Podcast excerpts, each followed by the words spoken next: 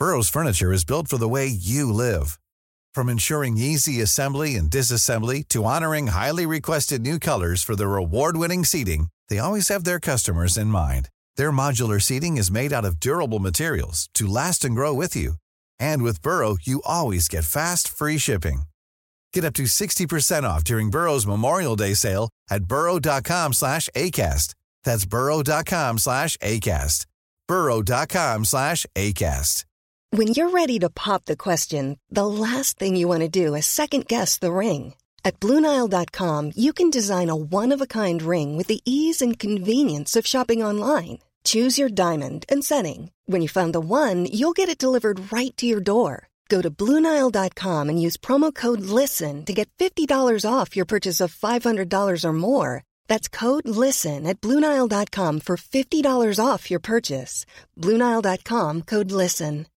Millions of people have lost weight with personalized plans from Noom, like Evan, who can't stand salads and still lost 50 pounds. Salads, generally, for most people, are the easy button, right?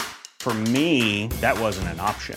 I never really was a salad guy. That's just not who I am. But Noom worked for me. Get your personalized plan today at Noom.com. Real Noom user compensated to provide their story. In four weeks, the typical Noom user can expect to lose one to two pounds per week. Individual results may vary. Palmemordet Psykologin kring mordet del 1 Viktor Gunnarsson Sveriges statsminister Olof Palme är död. 90 000. Ja, det är mord på Sveavägen. Hörde de säger att det är Palme som är skjuten. Mordvapnet med säkerhet är en Smith Wesson, en revolver kaliber .357. Inte ett svar. Finns inte ett svar. För jag har inget. Och jag har inte varit Varför skulle jag göra Polisen söker en man i 35 till 40-årsåldern med mörkt hår och lång mörk rock. Välkommen till podden Palmemordet som idag görs av mig, Tobias Henriksson på PRS Media. Tack vare er sponsring och enstaka företagsannonser har vi kunnat komma ut i nästan 200 veckor i rad utan ett enda avbrott. Målet är att fortsätta med det så länge vi bara kan. Så om du vill sponsra oss och hjälpa oss med det här målet, gå in på patreon.com palmemordet och skänk en summa som vi får per publicerat avsnitt. Det är alltså patreon.com palmemordet. Det går också bra att donera via Swish. Skicka i så fall ett privat meddelande till oss på facebook.com palmemordet så får du numret.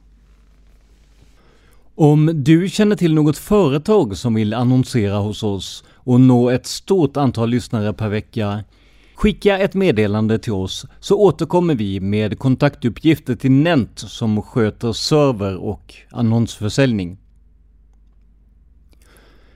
Idag ska vi ta oss ut på helt otrampad mark vad gäller Palmemordet. Vi ska nämligen, med hjälp av en av landets främsta experter, försöka få grepp om psykologin bakom mordet och de personer som anklagades för detsamma. I det här avsnittet kommer vi att titta lite närmare på Viktor Gunnarsson och det gör vi med hjälp av Henrik Ankarsäter, professor och överläkare vid Göteborgs universitet. När vi nu låter honom berätta om sin bakgrund och sin yrkesbana så gör vi det inte för att skryta eller försöka hävda oss. Istället tar vi med det för att ni ska få veta att det här är seriöst undersökt och inte bara några fraser som jag eller vår gäst slänger ur oss. Vi vill också tillägga att alla de slutsatser som läggs fram i programmet också har verifierats av Henriks kollega Maria Råstam som är professor i barn och ungdomspsykiatri vid Lunds universitet. Och vi vet att det finns svårigheter med att försöka gå på djupet med en avliden person. Henrik och jag diskuterar problemen i intervjun och vi är fullt medvetna om att de finns.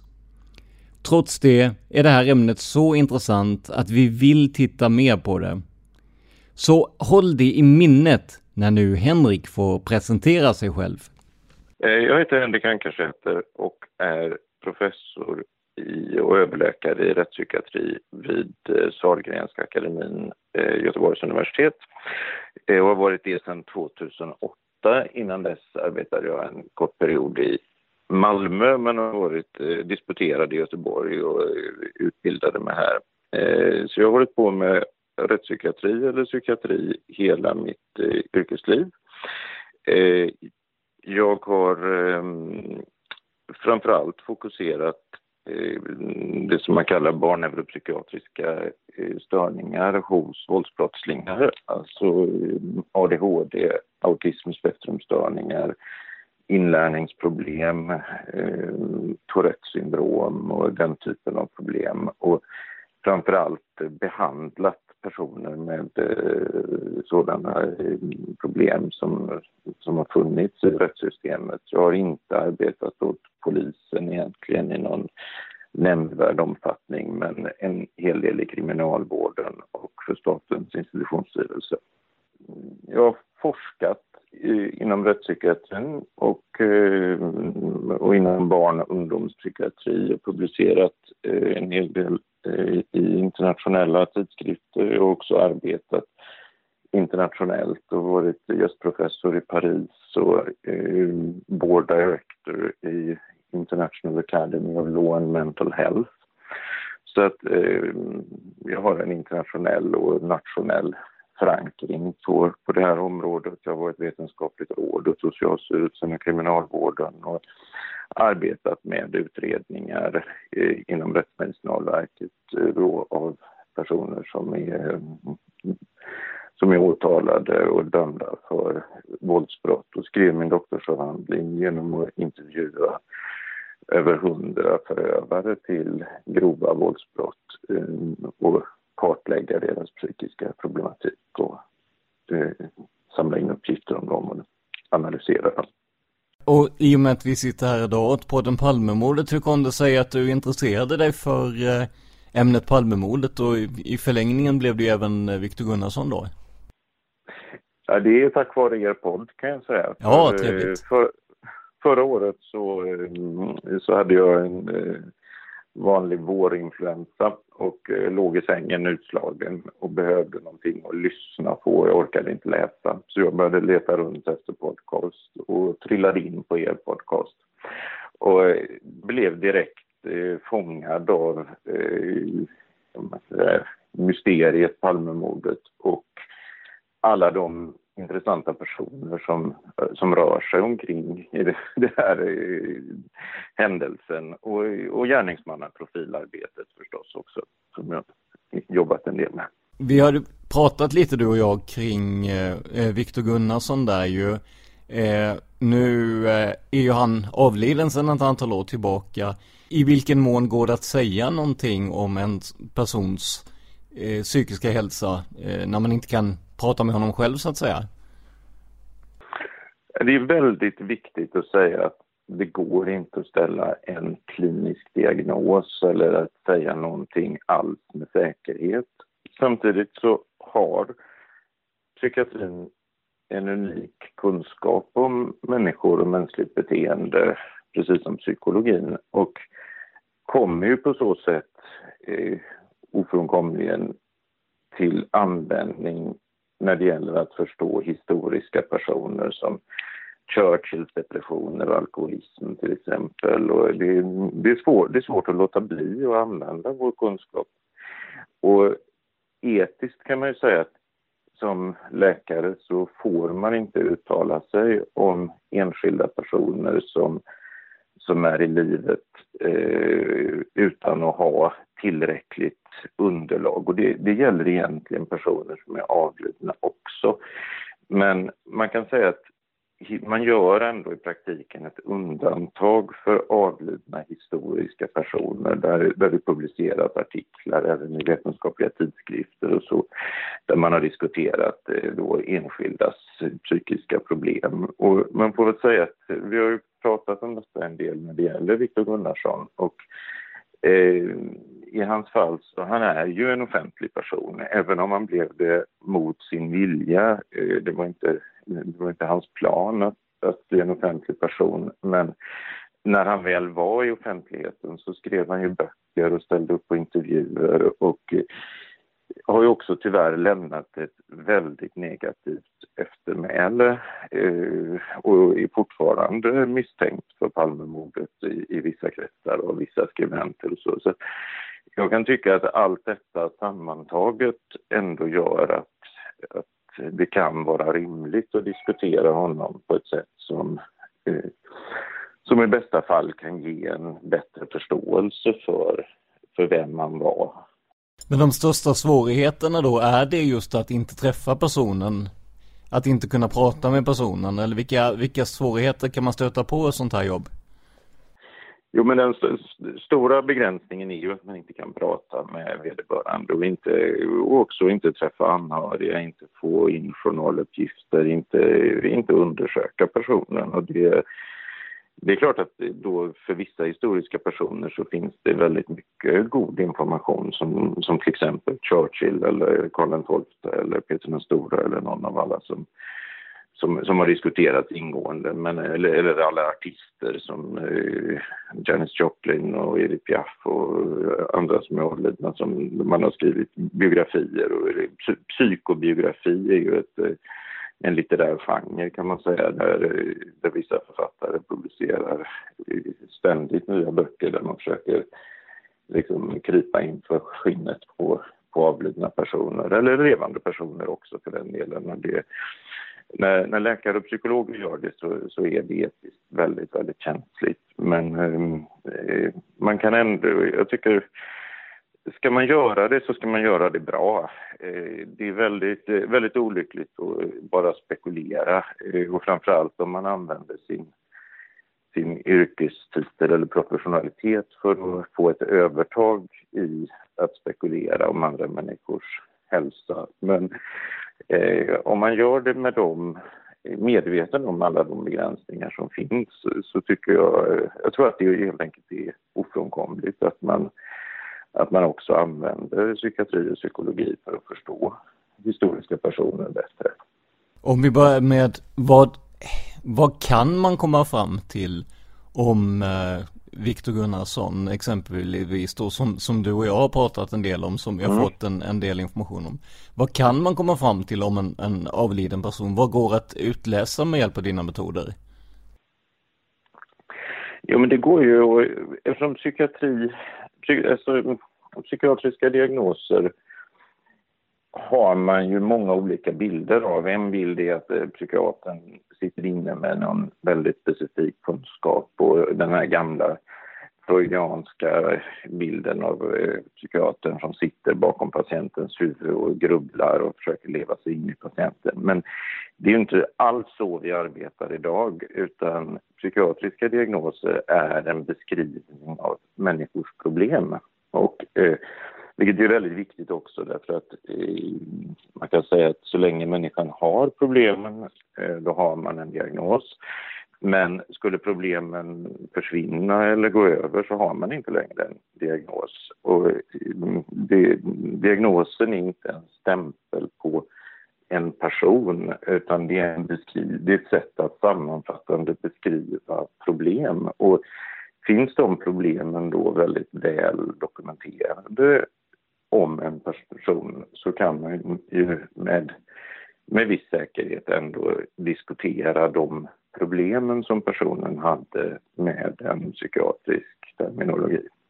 Om vi tittar lite på materialet eh, vi har använt då, för att jag eh, har ju jag har ju tittat på Viktor Gunnarsson under en lång tid och gjort många avsnitt om honom och tycker mig väl ändå eh, veta, veta en, del om honom. Eh, vilket, vilket material i övrigt har, har vi haft möjlighet att använda här?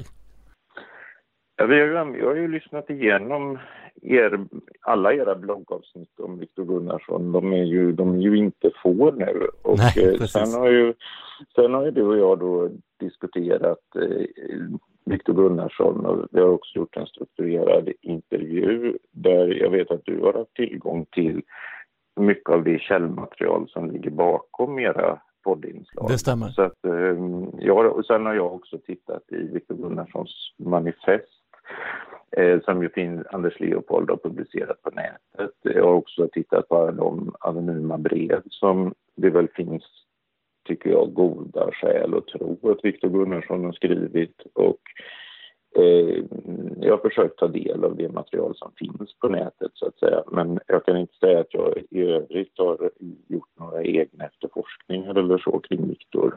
Och vi ska tillägga också att eh, efter att vi har kört eh, de här den här serien om Viktor Gunnarsson nu, det blir lite fristående avsnitt om honom nu, men så har vi också fått eh, en, eh, en, ja, en barndomsvän till Viktor Gunnarsson som dock vill vara anonym som har eh, kommit med lite nya uppgifter där, men det är ingenting som eh, som jag tycker har varit något eh, så här revolutionerande eller motsäger den bilden vi hade om honom, eller vad säger du? Nej, jag tycker inte det heller. Jag tycker snarare att den förstärker bilden av, av Viktor. Och den, den bild då som, som, jag, som gjorde att jag direkt började intressera mig för, för Viktor Gunnarsson när jag lyssnade på podden, det är ju att jag känner igen typen Viktor Gunnarsson eh, i så som man framstår i de här förhören och det, det man redan väldigt snabbt får veta om honom. Eh, och det finns...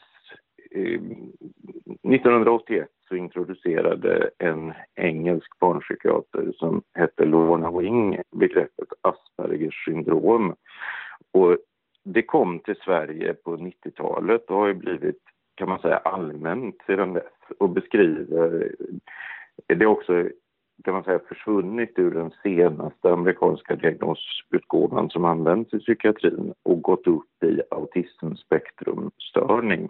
Där Aspergers syndrom har alltid varit en form av autismspektrumstörning men för att beskriva Eh, barn, unga och vuxna med hög begåvning eh, socialt utåtriktade, eh, udda, speciella personer men som i grunden har samma problem som alla personer inom autismspektrum har, nämligen väldiga svårigheter att förstå och samspela med andra människor.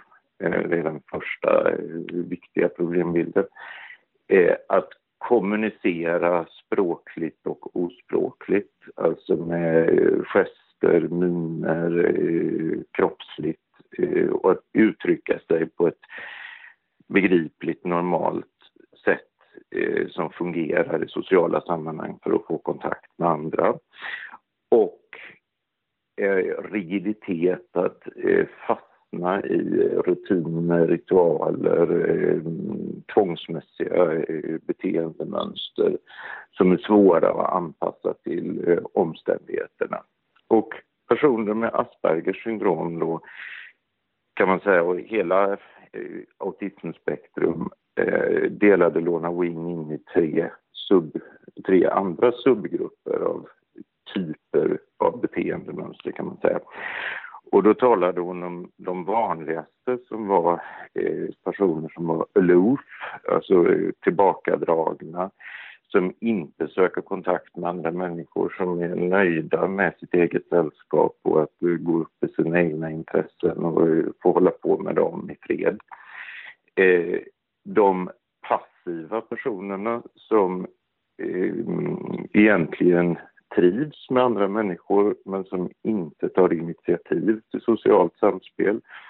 Och slutligen de active but odd personerna som är en liten ovanlig undergrupp men som då beskriver personligheter som väldigt starkt söker socialt samspel, eh, som hela tiden försöker få kontakt med andra människor, som eh, söker upp främlingar, som är väldigt måna om att ha vänner, som har svårt att vara ensamma hemma, som har svårt att syssla med, egna, eh, med saker på egen hand utan att ha andra människor omkring sig. Och, men som ändå hela tiden framstår som udda, konstiga, märkvärdiga, ufon är ett begrepp man ofta hör i. Eh, och Eh, för mig så, så kände jag, eh, alltså jag kanske har haft 10-20 sådana här patienter i, som, som jag har känt väldigt väl och som har varit precis som Viktor Gunnarsson eh, i sitt sätt att fungera och hantera andra människor och så. Eh, och som på samma sätt har ofta då eh, valt ett annat språk eller en identitet, framställa sig som om man kom från ett annat land, som har sökt upp främmande människor på stan, försökt inleda samtal på ett främmande språk eh, och som har betett sig väldigt, väldigt underligt och som på samma sätt då eh, samlats på vänner, i, skrivit långa, långa, långa listor på personer som man tycker sig vara, stå väldigt nära så att man, de andra personerna egentligen inte alls uppfattar det så utan bara tycker att det här är en konstig och kanske lite obehaglig person som, som tränger sig på och som man har svårt att stå emot. Och det som är väldigt vanligt hos de här personerna också är ju att de har övervärdiga intressen som, som tar all deras tid och som de talar om hela tiden. Och det vet vi ju att Viktor Gunnarsson gjorde. Han han bör, började ju väldigt ofta prata om politik eller religion med vem som helst han träffade egentligen, och helt oavsett situation och om den personen pratade med var intresserad av detta överhuvudtaget. Är det, är det där någonstans man kan landa eller vad är, vad är det du har kommit fram till just när det gäller Viktor Gunnarsson då? Jag vet att du eh, planerar ett, ett eh, ja, en rapport, ett blogginlägg om det här också. Eh, kan du säga mer om det? When you're ready to pop the question, the last thing you want to do is second guess the ring. At Bluenile.com, you can design a one of a kind ring with the ease and convenience of shopping online. Choose your diamond and setting. When you find the one, you'll get it delivered right to your door. Go to Bluenile.com and use promo code LISTEN to get $50 off your purchase of $500 or more. That's code LISTEN at Bluenile.com for $50 off your purchase.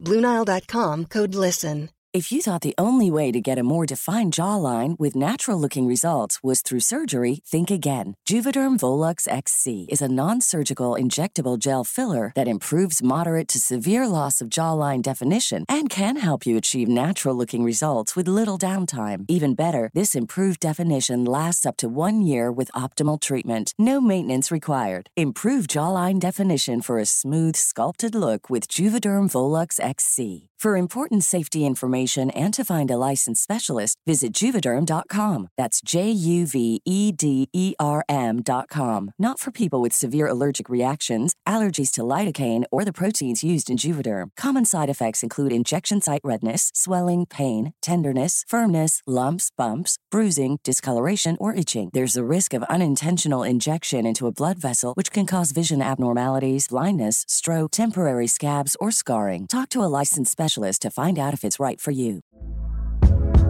Hey there, it's Michelle Norris. I'm host of a podcast called Your Mama's Kitchen. When I travel, I'm usually looking for a way to find a taste of home when I'm not at home. And one of the things I love to do when I am at home is entertain. And Airbnb allows me to do that. When I was in California recently, I rented a house that had a great kitchen. And when we were sitting around the table, we we're all thinking, we're in someone else's house. Someone could be in all of our homes as well. If you have a home, but you're not always at home, you have an Airbnb. Your home might be worth more than you think. Find out how much at airbnb.com slash host. Ja, alltså jag, jag tycker ju på på något sätt synd om Börje Wingren i de här förhören. För, och jag tycker synd om Viktor också förstås. För det är, så, det är så uppenbart att det är två personer som helt pratar förbi varann. Och eh, alltså, det är väldigt typiskt för människor med autismspektrumstörning att inte kunna värna sig i polisförhör eller försvara sig när de blir misstänkta för brott. De vet inte hur de ska svara för att inte göra sin situation värre.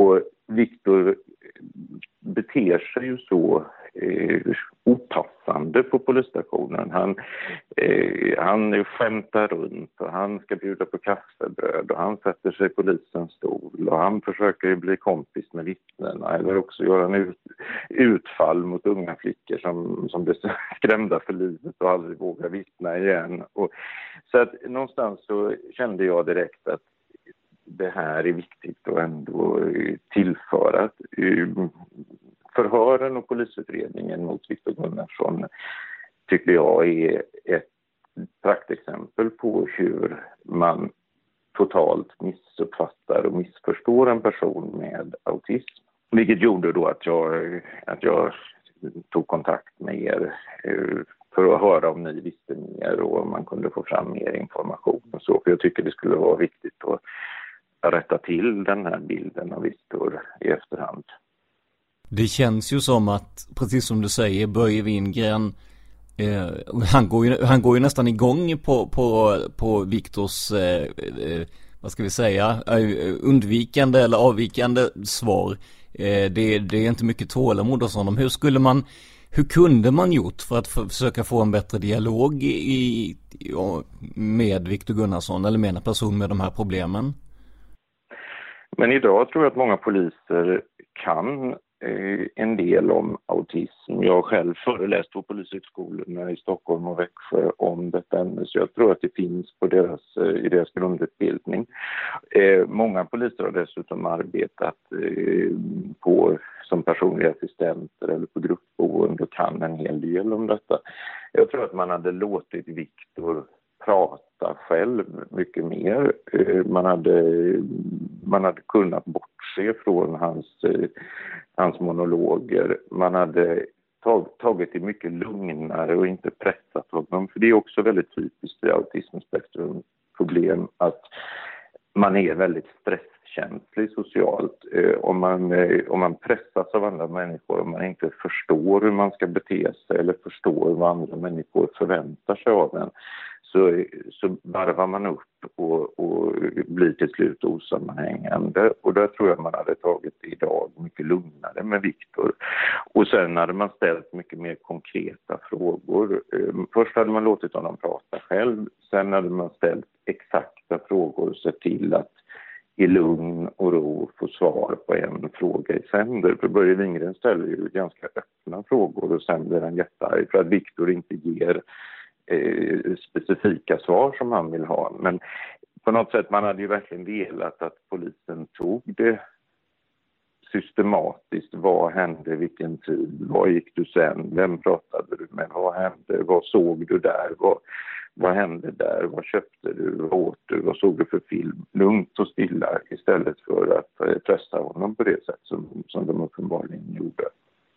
Viktor Gunnarsson har ju ibland av vissa i alla fall kallats för, ja men en, en, en vimsig idiot om man läser för en. Är det, är det den här, kan man förklara det med den stressen som uppstår helt enkelt? Att han kommer med vissa motsägande uppgifter och så vidare. Eh, går det att relatera till, till den här stressen du pratar om när att ha en autismspektrastörning i en, i en sån här pressad situation eller vad, för att vad vi har kommit fram till tycker jag är ju att han är ju inte på något sätt, eh, alltså han, han, han är ju en intelligent människa men ändå kommer han med ganska, oh ja. ändå kommer han ju med ganska eh, eh, antingen fantasifulla eller eh, självmotsägande svar. Vad kan det bero på då? Nej, men jag tror att det beror på just pressen, att han inte får tillfälle att tänka efter. Han, alltså förhören drar ju igång först då kort en vecka efter eh, mordet och sedan två veckor efter. Och jag, jag, skulle tro att han, hans liv har väl varit ganska sig likt under ett eh, antal månader i Stockholm. Där. Han, har, han har varit ensam, han har hela tiden sökt olika kontakter, han har ordnat sina pannkaksmiddagar, gått till kyrkan, pratat med folk på stan och det här är ganska rörigt i hans, tror jag, kroniskt ganska stressade tillstånd. Det beskriver ju folk som träffar honom också, att han är orolig och rastlös. Ja, forcerad. Och, ja. Han, forcerad, precis. Och han har liksom ingen riktig koll på vilken dag han har gjort vad eller vart han har gått eller så. Eh, och kanske inte heller, hans minne kanske inte fungerar riktigt på samma sätt som det gör hos de flesta utan han, han kommer ihåg vissa detaljer som intresserar honom medan andra detaljer kommer han inte ihåg alls. Till exempel, till exempel vilken gång han har sett vilken film och så vidare. Och när då han blir pressad två veckor efter i de här förhören så, så låser det sig för honom. Jag tror att det är väldigt eh, förväntat. Eh, samtidigt, så, samtidigt så är det klart att han, han ger ju en oerhört vag bild av den här kvällen. Och de lyckas ju aldrig få en, en eh, rimlig händelsekedja från, från klockan 10-11 någonstans till, till han kommer hem på natten och sover hemma enligt sin egen uppgift. Så det är klart att detta också blir väldigt otillfredsställande för poliserna och åklagarna och den men fortfarande så tycker jag att det är slående att ingenstans så verkar ju polisen eller åklagarna ha en riktig bild av hur mordet skulle ha gått till om nu Gunnarsson var skyldig. Det, det, det är ju ingenstans eh, Samtidigt som de pressar honom på minnesbilder och exakta uppgifter så, så har de ju en väldigt vag uppfattning själva om hur det skulle kunna ha gått till, hur han till exempel skulle kunna ha vetat var, var Palme var någonstans och var de skulle bo. Jo, men när vi eh, tittade på Viktor Gunnarsson och när du och jag kom i kontakt med varandra så eh, hade vi någon, någon form av, eh, vad ska vi säga, självskattningstest eh, som vi försökte, försökte se om man kunde applicera. Kan du berätta lite om, om vad det här var för något för mig som inte riktigt är i din bransch så att säga? Nej, alltså jag gjorde en klinisk intervju med dig om Viktors problem och det är klart att så kan man inte göra för att få fram en klinisk diagnos. Men eh, med vårt syfte att, på, att bearbeta vad vi vet om Viktors problem på ett så systematiskt sätt som möjligt så tyckte jag att man ändå kunde försöka använda den här intervjun. Och detta är en intervju som är utvecklad av Kristoffer och Karina Gillberg här i Göteborg och som presenterades redan när Aspergers syndrom introducerades som diagnostiskt eh, begrepp i Sverige och som vi sedan har använt i mycket forskning på området. Jag själv har använt den i, i många studier och med väldigt mycket klienter så att eh, jag har nästan kunnat den utan till. Men samtidigt så när jag då ställde de här frågorna till dig eh, med alla de reservationer som vi gör så tittade varken vare sig du eller jag på poängberäkningen så att det var inte, och jag har inte, det var några år sedan jag gjorde den senast. Så att jag kan säga ärligt att eh, det var inte så att vi satt och liksom tillrättalade informationen för att eh, få till en diagnos utan vi gjorde detta väldigt förutsättningslöst. Och sen tittade, vi, tittade jag efteråt på poängsättningen då. Och vi kan ju nämna att jag känner ju inte till eh, den poängsättningen överhuvudtaget då i och med att jag inte har eh, jobbat med den här så att eh, det är utan som sagt det var förutsättningslöst. Ja, fortsätt. Och eh, intervjun heter då, den heter The Asperger Syndrome Diagnostic Interview ASDI och den finns på Gillbergscentrums hemsida vid Göteborgs universitet. Och den består då av sex forskningskriterier för Aspergers syndrom och sen har vi ofta i studier lagt till en sjunde fråga om perceptionsstörningar, alltså hur man uppfattar sinnesintryck. Och om man bara går igenom den jättesnabbt så är det första kriteriet stora svårigheter i fråga om ömsesidig social interaktion. Och där kan man säga att Viktor beskrivs ju ofta som en snygg och trevlig kille som lätt får kontakt med folk eh, ute på stan och så.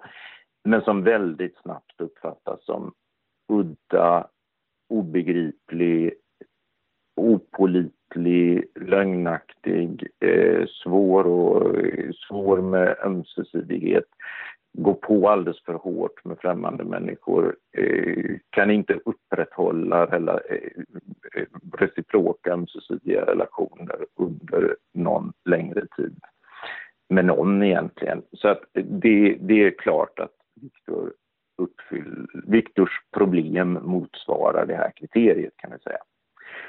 Sen det andra kriteriet, det är monomana snäva intressen. Och där har vi ju det här med religion och politik som, som är Viktors stora intressen och där han också på ett för det här, den här problematiken väldigt typiskt sett inte förstår sammanhang. Han engagerar sig eh, i, i till exempel då en kristen församling för utlänningar men verkar samtidigt eh, kunna bete sig på sätt som, som de flesta i kristna skulle tycka var väldigt märkligt. Eh, han, eh, han har svårt att förstå eh, innebörden i, i sina intressen. Han, han liksom mal på om USA och Palme och eh, Sverige och socialdemokratin men eh, egentligen så gör han ju inga självständiga analyser av världssituationen eller så. Eh, det tredje kriteriet är tvingande behov av rutiner och intressen och det är väl lite, lite eh, svajigare kan man säga. Viktor var ju inte en rutinmänniska på det sättet men eh, samtidigt så han, detta att han hela tiden återkommer till sina egna intressen och bara pratar om dem gör att en särskild fråga är om man påtvingar andra sina egna intressen och det får man säga att Viktor verkligen, det, det klagar ju alla på som, som har varit runt Viktor att han, han inte kan intressera sig för det som gäller dem utan bara gå på om, om sina egna intressen. Sen det fjärde kriteriet är tal och språkproblem och där vet vi att Viktor var en väldigt språkligt begåvad person som lärde sig en rad främmande språk väldigt väl. Och här har vi ju ett problem att vi inte har särskilt mycket eh, tillgång till Viktors normala tal. Det är väldigt svårt att veta om man hade avvikelser i tonhöjd eller eh, intonation eller så. Men detta att han, eh, det finns beskrivet till exempel att folk som har sagt till honom dra åt helvete så har han börjat prata om helvetet som eh, för ett teologiskt resonemang och verkar inte liksom ha förstått hur andra människor använder ett sådant uttryck. Han, han använder ju också väldigt ofta för fina ord eh, inom citationstecken som, som blir obegripliga för andra i sammanhanget. Han, han lägger liksom ut en ridå av ord i, när han talar och skriver som inte fungerar på ett kommunikativt sätt eh, utan eh, på något sätt så, så finns det språkliga problem och avvikelser hos honom. Man kan också säga att han hade ju högsta betyg i främmande språk men trea i svenska om jag inte missminner mig. Eh, och det, det, skulle ju kunna tala för detta att han, han har lättare att använda främmande språk som man har lärt sig än eh, sitt eget modersmål. Den femte kriteriet då, det är icke-språkliga kommunikationsproblem. Eh, och där kan man säga att vi, det är också ett sånt här kriterium som är väldigt svårt för oss att bedöma eftersom man inte ser Viktor, man ser inte hans kroppsspråk, hans gester. Men det vi vet är att han väldigt ofta går för nära människor. Han, människor blir rädda för honom. Så han sätter sig väldigt nära människor på tunnelbanan. Han går väldigt nära polisen rent fysiskt. Eh, folk uppfattar honom som hotfullt, eh, hotfull. Och eh, möjligen kan man säga att på foton så har han ett eh, väldigt överdrivet stelt leende på många av de fotona som finns. Eh, samtidigt så är han ju duktig på att härma och göra roliga miner och få folk att skratta och så men det, det, det behöver inte tala mot ett problem inom autismspektrum utan tvärtom ser man det ganska ofta hos personer med de här svårigheterna. Sen det sjätte kriteriet är motorisk klumpighet och där kan man säga att vi vet att han hade jättesvårt för idrott när han var barn och var mobbad för det. Eh, så att sannolikt har han sådana problem men det är också så att det går inte säkert att ta ställning till idag.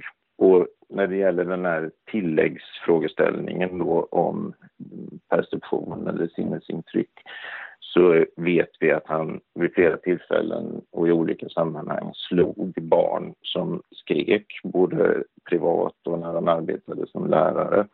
Eh, och det är ett väldigt typiskt eh, beteende som, som för personer med de här problemen i kontakt med polisen och rättvisan kan man säga att barnskrik blir så plågsamt att man helt enkelt eh, slår till ett barn som som, som är i närheten och är för högljutt.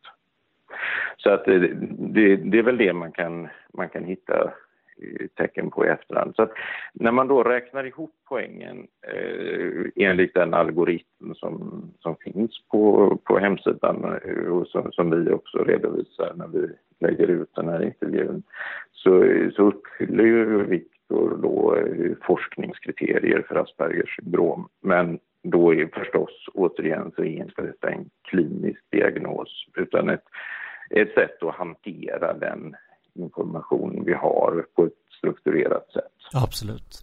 Och jag kan tillägga att jag har försökt få ut både bildmaterial och eh, ljudfiler och sånt där vad gäller mm. Viktor Gunnarsson. Men det har visat sig vara ganska besvärligt framförallt för att de, de avsnitt man ser honom i bild har ju varit legat ganska långt tillbaks i tiden.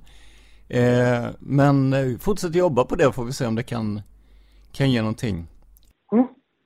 Ja, det skulle ju vara jätteintressant att se honom på film så att säga och se honom svara på frågor och pra prata eh, gärna lite längre tid och, och, lite ostrukturerat med, med en journalist till exempel. Det, det skulle vara fantastiskt värdefullt för att förstå honom bättre. Vi vet ju att Lennart Renstam som har varit väldigt engagerad i Palmemordet la ut en, en kort, kort snutt där Viktor Gunnarsson talar själv ifrån en, eh, som jag har lyckats identifiera nu, en TV4-intervju. Eh, mina eh, kära kollegor på TV4 hade dock lite så, eller tidigare kollegor ska jag säga, eh, hade dock lite svårt att hitta detta i och med att det var så pass gammalt. Men jag har kontakt där i alla fall, så jag hoppas kunna få fram det. Det lilla, det lilla jag eh, lyssnade på eh, som du skickade då, det, där kan jag säga, det, det, var ju inget som jag tyckte man kan säga var säkert avvikande i det. Men, eh, men det var ju en väldigt kort, och, och det kan man säga, det, det är ju de situationer när personer med autismspektrumstörningar fungerar bäst. Det är när man är två personer och den och få prata själv på sina egna premisser så att säga utan att bli avbruten. Och eh, det som brukar vara allra svårast det är, det är att flörta, skoja på ett sätt som andra tycker är genuint roligt, eh, att smälta in i en större grupp personer och så. Det, det vet vi att Viktor hade svårt med. Eh, fast det faktum att han såg väldigt bra ut, åtminstone som ung, naturligtvis har underlättat socialsamspel väldigt mycket för honom. Eh, Någonting som jag har tänkt på i efterhand är ju att när jag försöker jag har ju också blivit eh, sådär att jag vill gärna veta vem personen bakom namnet är och eh, i stort sett alla jag har kontaktat, jag har försökt kontakta Gunnar Falk till exempel, hans tidigare advokat eh, som avböjt en intervju. Jag har kontaktat eh, medlemmar ur hans eh, familj, de som är efterlevande och eh, de har avböjt intervju. Eh, jag tror, ja, tidigare flickvän avböjt intervju. Det är väldigt många som eh, eh, som inte vill prata om Viktor Gunnarsson trots all den här tiden som har gått eh, och eh, i, i, som jag, de svaren jag har fått så, så, har jag känt att man kände sig lurad, kanske lite dum för att man gick på hans, eh, vad ska vi säga, eh, ja, hans prat eller vad man ska säga då. Eh, det, det, det, det, det är absolut ingen, det, det, är en egen tanke men det, det är de svaren jag har fått i alla fall att eh, det ligger bakom dem och de vill inte förknippas med det. Jag vet inte om det, om det ger någon upplysning. Jo, men jag kan tänka mig att eh, jag kan tänka mig att han har varit en otroligt besvärlig och svår person att ha att göra med, särskilt om man är närstående eller beroende av honom på något sätt eller arbetskamrat eller arbetsgivare eller så. Och, eh, och naturligtvis en intervjuperson för polisen. Och förstå, det, det är viktigt tycker jag att se att om man tänker sig att han under sin pratsamhet har ett sociokommunikativt funktionshinder så blir det ju mycket lättare att förstå honom. Att han går på på det här sättet och, och ljuger och, och beter sig illa eh, för att, han, för att det är hans sätt att få sociala kontakter. Han kan inget annat och kan inte bättre. Då, då får man ju ändå en, en mer... Man kan på något sätt, tycker jag, ändå se Viktor Gunnarsson som en person som, som först säkert har kämpat väldigt mycket med sitt liv utifrån. Han är ju en, en väldigt begåvad ung pojk som ändå inte får någon högre utbildning, som inte klarar att etablera sig på arbetsmarknaden, som inte fungerar. Det, det kan man säga är ett väldigt viktigt generalkriterium. För man kan ha, vi människor kan ha drag av Asperger eller ADHD eller Tourette eller så, men fungerar vi bra i arbetslivet och fungerar, eller har en bra sysselsättning och kan vi ha nära relationer så har vi ingen psykisk sjukdom, absolut ingen. Vi är inte i närheten av en psykiatrisk diagnos. Så att, Eh, innan vi överhuvudtaget börjar göra sådana här intervjuer eller prata i termer av eh, psykisk ohälsa eller så, så, så måste man ju eh, veta att personen har en eh, funktionsnedsättning eller ett eget inre lidande.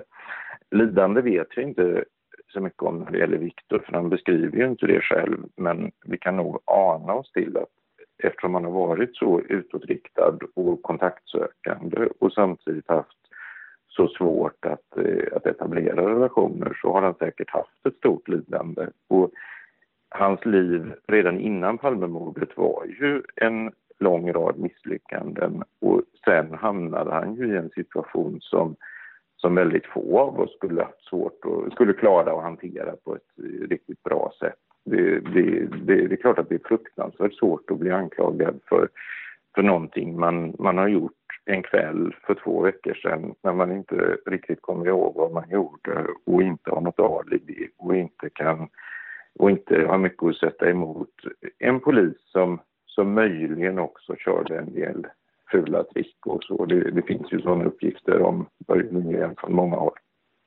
Vi kan bara ge det som utmaning till, till lyssnarna också att om vi nu, om vi tänker det som att Viktor Gunnarsson inte skulle ha gjort eh, den här gärningen eh, så är det ju i stort sett en vanlig fredagkväll för honom för två veckor sedan. Om ni försöker tänka på vad ni gjorde en fredagkväll för två veckor sedan, hur detaljerade hade ni kunnat vara? Det är ett ganska intressant minnesexperiment tänker jag. Hur mycket minns man egentligen även om man är normalfungerande efter, efter två, eh, två veckor av någonting som man tyckte var en ganska vanlig dag? Even when we're on a budget we still deserve nice things. Quince is a place to scoop up stunning high-end goods for 50 to 80% less than similar brands. They have buttery soft cashmere sweaters starting at $50, luxurious Italian leather bags and so much more. Plus, Quince only works with factories that use safe, ethical, and responsible manufacturing. Get the high-end goods you'll love without the high price tag with Quince. Go to quince.com/style for free shipping and 365-day returns. Want flexibility? Take yoga. Want flexibility with your health insurance? Check out United Healthcare insurance plans. Underwritten by Golden Rule Insurance Company, they offer flexible, budget-friendly medical, dental, and vision coverage that may be right for you. More at uh1.com. Hey, it's Paige DeSorbo from Giggly Squad. High quality fashion without the price tag. Say hello to Quince. I'm snagging high-end essentials like cozy cashmere sweaters, sleek leather jackets, fine jewelry, and so much more. With Quince being 50 to 80% less than similar brands. And they partner with factories that prioritize safe, ethical, and responsible manufacturing. I love that. Luxury quality within reach. Go to quince.com slash style to get free shipping and 365 day returns on your next order. Quince.com slash style. Ja, själv skulle jag inte kunna minnas någonting. Nej. Säga, det, det är ju lite åt det hållet faktiskt. Inte specifikt, inte med klockslag. Nej, inte, nej, nej det precis. Skulle vara, det skulle vara enormt ja. svårt. Absolut. Men med de här ehm, eh, reservationerna då för att vi inte har kunnat prata med Viktor Gunnarsson att en del material har varit ofullständigt. Går, alltså den här eh, Asperger-diagnosen eller eh, ja, den indikationen. Med vilken grad av säkerhet kan man vilken grad av säkerhet kan man sätta på den helt enkelt? Jag skulle säga att jag själv är helt säker. Eh, men det är klart att det betyder, det, jag är helt säker utifrån att jag har träffat andra människor som har haft precis likadan problematik och lärt känna dem ganska väl och förstått hur de fungerar och följt dem under flera år och så. Eh, så att, att Viktor Gunnarsson hade någon slags autismspektrumproblematik, det, det tycker jag man kan faktiskt vara helt säker på eftersom förutsättningarna för det, det är att man har en, en nedsatt förmåga till socialt samspel, nedsatt förmåga till kommunikation och nedsatt förmåga till att flexibelt variera sina intressen och sitt, eh, sina aktiviteter. Och, eh, där hade han problem och det, det, var det som gjorde att han inte hade kunnat etablera sig på arbetsmarknaden och fungera redan innan Palmemordet. Så jag tycker man kan vara ganska säker på att någon slags problematik på det här området hade han. Sen, eh, sen exakt hur den ska beskrivas i kliniska termer och så, där, där kan man inte vara säker i efterhand. Och, eh, där, och man får då komma ihåg att psykiatriska diagnoser är bara just en, en,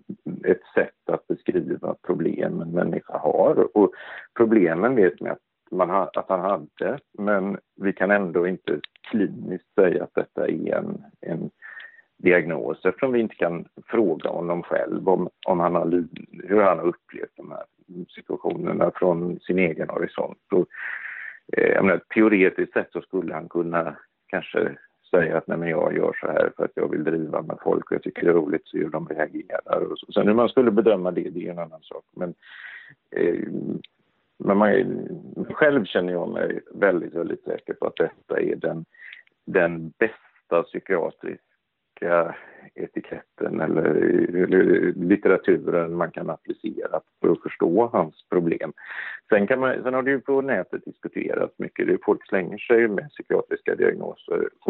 Det sägs att han har den ena och den andra personlighetsstörningen och han är narcissist eller psykopat eller så. Det är klart man kan säga att alltså, vissa, vissa problem eller särdrag vi människor har passar in på mer än en psykiatrisk diagnos. Så är det absolut. Men jag skulle också säga utifrån min kunskap att autismspektrumstörning är den psykiatriska diagnos som bäst förklarar, enklast och bäst förklarar flest av Viktors problem.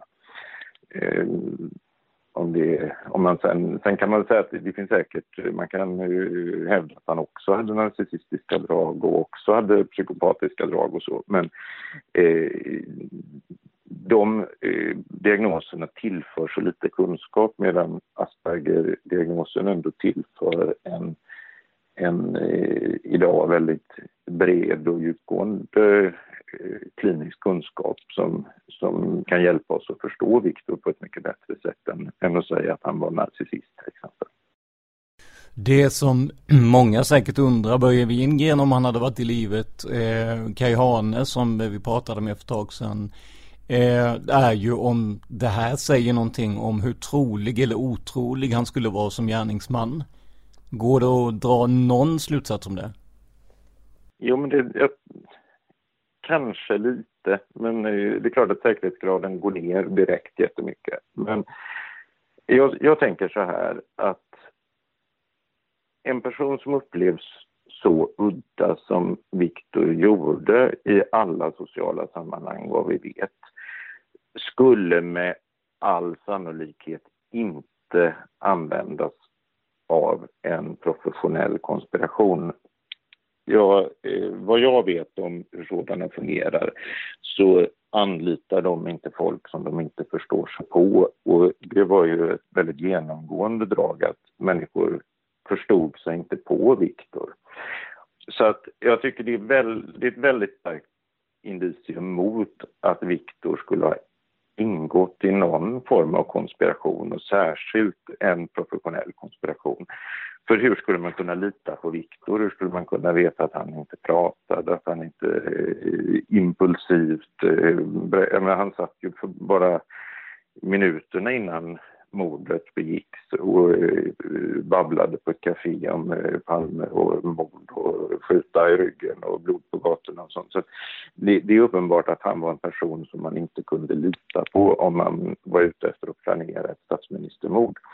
Eh, det som då skulle, det som skulle kunna återstå som möjlighet är ju då att Viktor var den här, som man säger, ensamme galningen. Och det skulle då förutsätta att han gick ut från kaféet, hade ett vapen i väskan eller rockfickan, promenerade upp mot Sveavägen, fick syn på makarna Palme, eh, begick mordet, eh, flydde därifrån och sedan var kvar inne i stan eh, ett bra tag. Då enligt polisens hypoteser skulle han ha sökt skjuts med en taxi eller till och med gått på McDonalds och alltså ätit hamburgare ett par timmar efter mordet. Och om man då vet att vid autismspektrumstörningar så är just förmågan att improvisera ett, eh, ett av de stora problemen. Eh, man kan ha lätt att göra eh, saker som är automatiserade eller som man är van vid. Då kan man få ganska bra flyt och, och vara duktig på att utföra saker på ett kompetent sätt. Men just eh, en, kärn, ett, en kärnproblematik i eh, tillståndet är nedsatt flexibilitet, nedsatt initiativförmåga, nedsatta exekutiva funktioner som planering, att förutse hur andra människor reagerar, att uh, smidigt anpassa sig efter föränderliga krav. Och allt detta sammantaget gör ju att jag har otroligt svårt att se Viktor som den gärningsman som ändå lugnt och planerat går upp bakom Olof Palme och skjuter honom och lyckas ta sig därifrån. Även om tur måste ha varit ett, ett starkt inslag för vilken gärningsman man än tänker sig så, så, så att Viktor Gunnarsson skulle klara någonting sånt och sedan hålla tyst om det under resten av sitt liv. Och faktiskt, även om då det sägs att han kanske har eh, antytt någonting eller rent av skrutit om att han skulle ha mördat Palme i USA, så eh, att han, om han verkligen hade gjort det, skulle klara att hålla tyst och stå i linjen efteråt, det, det tycker jag är helt eh, omöjligt att föreställa mig. Men eh, det är klart att säkerheten i det uttalandet precis som i att eh, eh, han skulle vara otänkbar för en konspiration. Det, det, det är gissningar och antaganden. Där säger vi tack till Henrik Ankarsäter, professor och överläkare vid Göteborgs universitet. Vi hoppas få återkomma till honom igen för att diskutera andra psykologiska frågor med anknytning till mordet. Hela den här sammanfattningen om Viktor Gunnarsson publiceras i samband med avsnittet på Henriks blogg och adressen dit hittar du på vår Facebook-sida facebook.com Palmemordet. Det här var podden Palmemordet som idag gjordes av mig, Tobias Henriksson på PRS Media. För mer information om mig och mina projekt besök prsmedia.se eller gilla oss på Facebook, facebook.com prsmedia.se. Och vi påminner igen om Henriks blogg där du kan läsa mer utförligt om det här och andra ämnen med anknytning till Palmemordet. Länken till den postas på vår Facebook-sida. Tack för att du lyssnar på podden Palmemordet. Man hittar Palmes mördare om man följer PKK-spåret till botten. Därför att ända sedan Julius Caesars tid har jag aldrig hört talas om ett mord på en framstående politiker som inte har politiska skäl. Polisens och åklagarens teori var att han ensam hade skjutit Olof Palme. Och det ledde också till rättegång. Men han frikändes i hovrätten.